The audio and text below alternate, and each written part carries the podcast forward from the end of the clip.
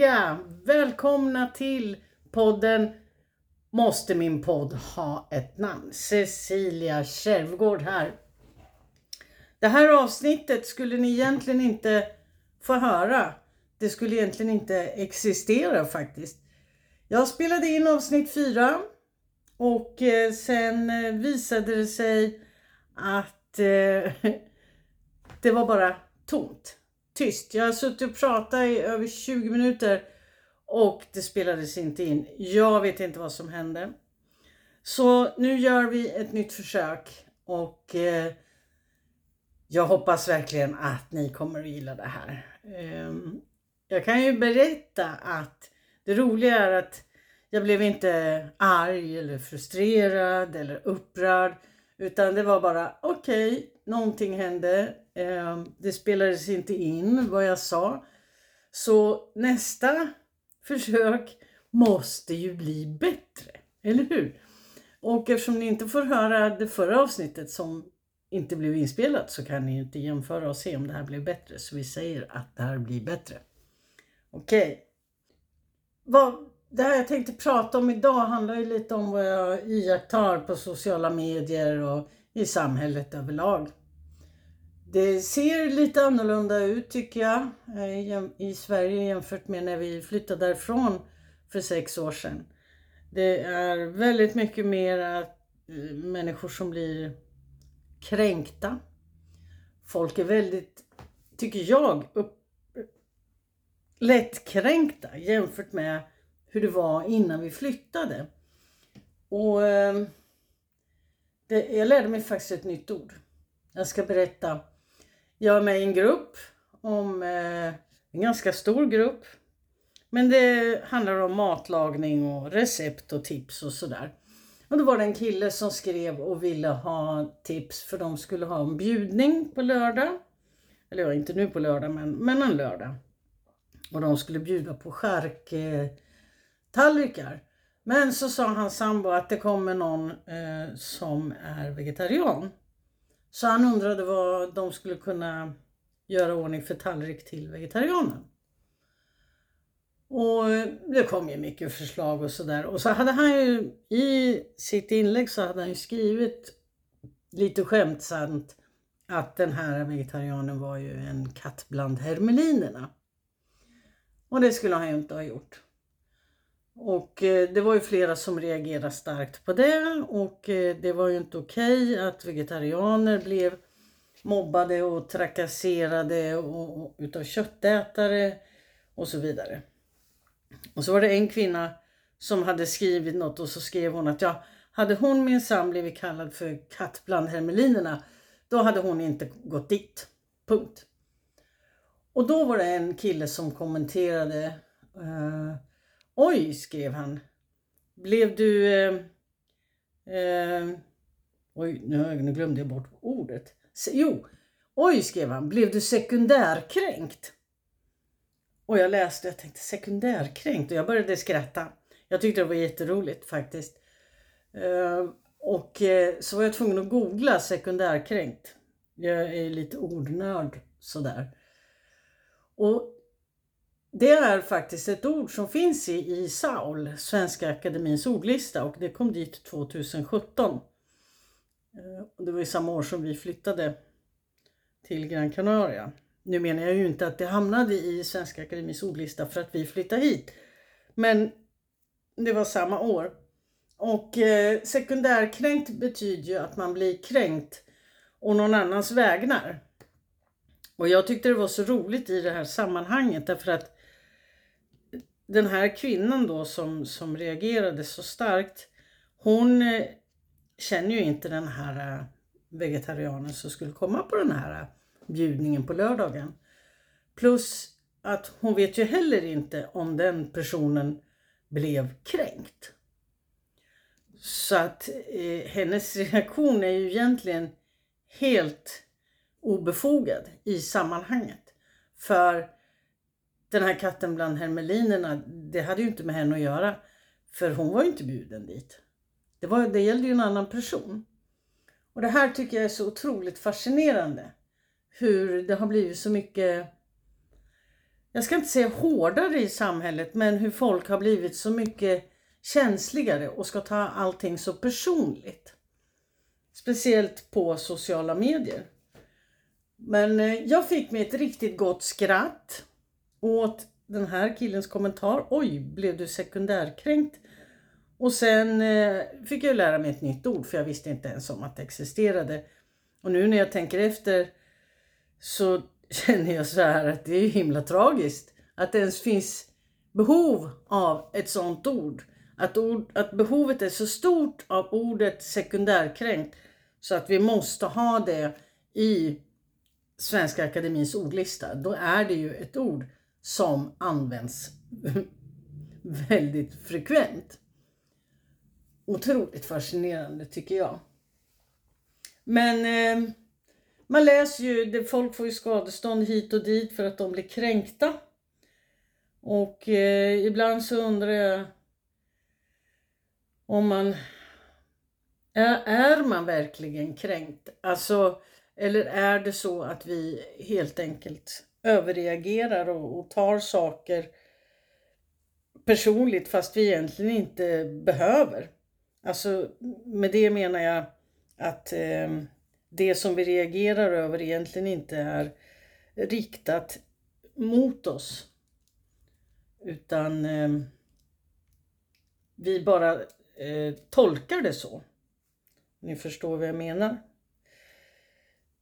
På mina kurser och i, i min coachning och sådär så, så stöter jag ju ofta på folk som eh, berättar om eh, att de har en eller flera personer i sin omgivning som beter sig på ett visst sätt och som eh, säger ditten och säger datten och, så blir man sårad och, och ledsen och kanske kränkt och, och så vidare.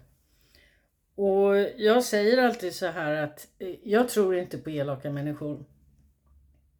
För i, i min värld så finns inte elaka människor. Med det menar jag inte att nej, men jag stöter aldrig på elaka människor. Utan det jag menar är att elaka människor existerar inte. Och eh, anledningen till att jag säger så eller tror så är därför att hur en människa än beter sig, vi kan anse att människans beteende är elakt. Men det är extremt sällan någon med vilje är elak mot en annan människa. Det är extremt sällsynt att man eh, gör eller säger någonting i avsikt att skada en annan människa så att den blir ledsen eller sårad eller kränkt eller någonting. Eh, det är liksom vår tolkning av det som personen säger. Och nu kommer vi ju in på det här med att ta saker och ting personligt. Och det jag menar när jag säger att elaka människor finns inte är därför att det de säger eller gör handlar inte om eh, oss utan det handlar om någonting i personen. Och eh, som regel så mår inte en sån, sån person superbra. Eh, den kan ha trauman i sin barndom eller som vuxen den, den har saker inom sig som den mår väldigt dåligt över. Den kan bära på mycket ångest, djup ångest eh, och så vidare. Och att då göra saker som, som vi andra tolkar som att det skulle vara elakt. Det, det är till exempel att den här människan är eh, väldigt rädd för att vara sårbar och istället för att då blotta sig och vara sårbar så gör och säger den saker för att skydda sig själv. Det är det det handlar om. Skydda sig själv. Och sen råkar omgivningen då ta åt sig och tolka det som elakt. Och det är det när jag säger då att det finns inte elaka människor, för det är ingen människa som vill vara elak. Egentligen. Om vi tänker efter, eller hur? Så en människa som, som vi uppfattar är elak, den har någonting, lite monster inom sig. som brottas och den här människan vill skydda sig själv på ett eller annat sätt. Och eh, man, ni vet, man säger ju anfall är bästa försvar. Och oftast är den här personen väldigt omedveten om hur det uppfattas av omgivningen. Sen är vissa också mer eller mindre känsliga. En del bryr sig inte eh, för att de är trygga i sig själva. De vet vad som är sant. De vet eh, vilka de är och eh, Eh, hur de är som människor och så vidare. Så att de är ungefär som en gås som vattnet rinner av om någon säger någonting. Medan en annan person som får höra exakt samma sak känner sig sårad eller besviken eller kränkt eller någonting och då är den människan en person som troligtvis har lägre självkänsla, är otrygg i sig själv, osäker på sig själv och så vidare. Och då har den en större benägenhet att ta åt sig av vad någon i omgivningen säger eller gör. Nu hoppas jag att det där var tydligt eh, och att det var faktiskt en, en tankeställare kring det här med elaka människor. Och ehm, det är väldigt, väldigt sällan man behöver ta någonting personligt och absolut inte i trådar på Facebook. Alltså jag, jag sitter och skrattar ofta i de här trådarna. Eh, hur någon skriver någonting och sen så skriver någon annan någonting som mothugg. Och sen blir de osams och sen eh, den ena är dum i huvudet och den andra är bla bla bla bla. Och det är människor som inte känner varandra. De vet ingenting om varandra och jag blir sådär wow, alltså imponerande. Tänk att eh, slösa bort så mycket tid och energi på att gräla med folk om skitsaker. Folk som man inte känner. Helt otroligt. Jag var i, jag är med i en annan grupp eh, som handlar om inredning och, och sånt. Och eh, en tjej hade gjort något inlägg. Och så var det en kvinna som hade skrivit någonting, en kommentar som jag tyckte inte det var något speciellt med den. Och då hade en annan kvinna kommenterat hennes kommentar och skrivit måste, måste du alltid vara så dryg och elak i dina kommentarer. Jag har sett, du skriver väldigt mycket här i gruppen. Du skriver nästan i, i, på varje inlägg. Och du brukar vara dryg och elak och jag förstår inte varför, skrev hon. Och då kommenterar någon annan, eller ja, då svarar hon väl någonting och sen så skrev någon annan längre ner. Ja men jag förstår inte vad du menar. Hon är ju inte alls dryg och elak i sin kommentar. Nej det är klart hon inte är för nu har hon ju ändrat den. Så att den inte är dryg och elak längre. Och jag är så här, oh, wow! Alltså, tänk att ha så lite att göra. Eller, mm, de där människorna felprioriterar i sina liv. Det är väl de som springer runt skitstressade och inte har tid med någonting. För de sitter och håller på i såna här trådar. Ehm, de ska vara besserwissrar, man ska ha rätt. Ehm, eller som någon, alltså, alltså det är såna idiotgrejer som man, man bara tappar hakan ibland. Någon ville, skulle måla eh, dörrar i sin eh, bostad. Eh, och hon ville måla dem vita. Och hon undrade hur hon skulle, vilken typ av förarbete hon skulle göra. Och då får hon sådana svar. Nej, målar de olivgröna. Jaha. jaha. Fast det var ju inget svar på frågan. Och någon annan, nej men turkost är skitsnyggt. Ehm, jaha, men hon har ju redan skrivit att hon ska måla de vita. Otroligt fascinerande. Ni känner säkert igen det här fenomenet. Ehm, folk ska hela tiden ha åsikter om allting. Och jag vet att många går igång, många blir arga och kränkta och tar saker personligt. Och jag menar, i trådar på Facebook till exempel. Finns ingen anledning att ta någonting personligt där. För som regel är det totalt främmande människor eh, som eh, man får diskussioner med. Så det, det är otroligt fascinerande. Så jag, jag önskar att det, eh, det blev ett lite mer avslappnat klimat på sociala medier. Lite mer fredligt och lite större förståelse och så vidare. Och eh, ja, det, det är otroligt fascinerande tycker jag i alla fall. Men sen är det ju det här med det här just att, att folk tar saker personligt äh, när det gäller människor i ens omgivning. Och det kan ju vara familj och vänner, kollegor och släkt och sådär. Och det är ju jättejobbigt när de är negativa eller kritiska eller man känner att de dissar en och, och så vidare. Och, och så vill man ju liksom inte att det ska vara så utan man, man vill ju att de ska vara positiva och härliga och stöttande och inspirerande. Och så stör man sig på dem och känner att ja men om inte, om inte hon var på det sättet då skulle jag vara lycklig, då skulle jag kunna vara glad. Men nu drar hon ner min energi och hon gör mig negativ också. Jag smittas av hennes negativitet. Men om hon bara ändrar på sig, då skulle jag kunna vara lycklig. Och då brukar jag säga så här att ja,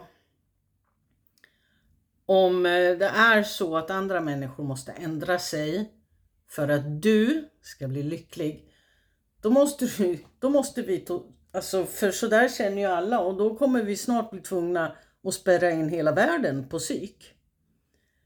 Och det funkar inte. Och det är inte så det funkar heller, därför att det är ingen annan människa som har ansvar för din lycka. Det är du själv som har ansvar för din lycka, ingen annan. Och eh, att eh, du reagerar negativt på andra människors negativitet, det brukar ofta bottna i en låg självkänsla, eh, en dålig självbild, alltså en negativ självbild och så vidare. Och så förstärks det bara utav vad en annan människa säger eller gör. Det finns en bok som jag köpte en gång som jag blev helt alldeles till mig när jag såg den. Jag gick in i en, en, en bokaffär och så bara stod den där på hyllan och skrek till mig. Köp mig, köp mig, köp mig. Titeln på boken var Om konsten att ändra andra människor. Och jag bara wow! Det här är ju nyckeln till ett lyckligt liv. Ja, jag tänkte faktiskt så, men det är rätt länge sedan. Så jag sprang ju fram och tog boken så att ingen annan skulle hinna köpa den. Och, och sen till kassan och betala eh, och så gick jag ut ur affären och jag var världens lyckligaste människa. Och jag tänkte så här att eh, det här är verkligen nyckeln alltså. Och jag började läsa boken innan jag kom hem. Och jag tänkte här, jag har inte boken kvar Eh, jag tog inte med mig några böcker i princip alls eh, när vi flyttade från Sverige, tyvärr. Så den blev kvar. Men jag har ju ett sånt otroligt bra minne. Så jag kommer ihåg hela första kapitlet. Och jag tänkte jag ska recitera det för er här nu. Och nu har ju jag som sagt inte boken här, men tänk er att jag håller mina händer upp i luften med handflatorna mot mitt ansikte. Som om jag håller i en bok. Och så har jag eh, slagit upp kapitel 1 i boken om konsten att ändra andra människor. Ni vill väl veta, eller hur? Okej, okay, då kör vi. Kapitel 1. Nu läser jag. Kapitel 1. Det är inte möjligt att ändra andra människor. Punkt. Nu tar jag ner mina händer. Det var det enda som stod på sidan. Och jag tänkte, jaha, det är inte möjligt att ändra andra människor. Okej, okay, så jag vände ju snabbt blad och då kom kapitel 2. Som jag inte kommer ihåg. Och jag tänkte, det här var ju ett himla bra trick för att få folk att köpa boken. Den heter Om konsten att ändra andra människor. Och i första kapitlet så får man veta att det inte går. Och då har folk redan köpt boken. Jaha. Men jag läste boken i alla fall. Någonting lockade mig, jag vet inte varför. och så insåg jag att, ja men gud så smart. Herregud. Om det nu vore så att vi kunde ändra andra människor. Om jag kan ändra andra människor så innebär det också då att andra människor kan ändra på mig. Så min man han vill ändra på mig på ett sätt. Mina vänner på sina olika sätt. Eh, kanske mina klienter på sina olika sätt. Mina barn på sina olika sätt. Mina barnbarn på sina olika sätt. Alltså, man skulle ju bli helt kluven som människa och ha massor med olika identiteter jämfört med beroende på vem man umgås med, eller hur?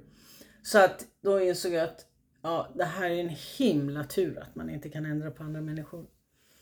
Dessutom skulle det ju bli ett väldigt tidskrävande jobb eftersom man, man umgås ju med, man har ju liksom ganska mycket människor omkring sig, kollegor och, ja inte jag då men Eh, men om man är anställd så har man kanske mycket kollegor och man har vänner och man, ja, man möter människor överallt. Och det finns alltid folk som, som inte riktigt eh, är i den vinkeln man önskar att de vore. Så man skulle hela tiden få springa omkring och ändra på folk. Det skulle ta jättelång tid. Så jag tänkte, men gud vad skönt. Det finns faktiskt bara en enda människa jag kan ändra på. Och som jag behöver ändra på, kanske. Och det är ju jag själv. Och jag är ju den som är ansvarig för mig, mitt liv, mina tankar, mina känslor. Och det är ju jättebra. För då styr ju jag om jag vill vara lycklig eller inte, om jag vill vara glad eller inte. Det är jag som styr, ingen annan människa. Jag brukar säga så här när, när jag pratar om relationer och när jag har relationscoachning så brukar jag säga så här. Det är inte mitt ansvar att göra dig lycklig. Mitt ansvar är att inte stå i vägen för din lycka. Och då kan jag ta bara som ett exempel för att förtydliga vad det betyder. Min man är ju trummis. Han älskar att spela trummor. Han har spelat trummor sedan han var typ 3-4 år. Det är hans liv. Och han har, alltså när vi bodde i Sverige så spelade väl han i, jag kommer inte ihåg, fyra band kanske. Och här spelar han i flera band eh, beroende på när det är på året. Och det är ju bara för att han tycker att det är så kul. Så det innebär ju rep. Det innebär kvällar. Alltså det händer ju vissa veckor när det är säsong här nere så, så sitter jag ensam hemma varje kväll. I princip. Han kanske är ledig en kväll i veckan. Och om jag då säger till honom, nej men jag, du får inte spela ikväll. Eller du, du måste vara ledig onsdag, torsdag, fredag kväll. För då, då ska vi umgås. Då står ju jag i vägen för hans lycka. Då hindrar ju jag honom från att göra det som gör honom lycklig. Men eh, att låta honom spela, det gör ju honom lycklig och då står inte jag i vägen för hans lycka. Och det gäller ju omvänt då, att han inte ska stå i vägen för min lycka. Så jag får ju göra det som gör mig lycklig. Han gör det som gör honom lycklig. Och då blir ju vi så mycket lyckligare tillsammans. Så det tycker jag är ett bra eh, riktmärke att ha i en relation. Och jag försöker inte ändra på honom, han försöker inte ändra på mig. Tror jag inte i alla fall. Jag har inte märkt någonting utav det. Eller också har han gett upp sina försök, jag vet inte. Så det blir mina sista ord idag. Och eh, jag ser fram emot att eh, höras här igen med er nästa vecka. Sköt om er nu och kom ihåg, var snäll mot dig själv. Hej då!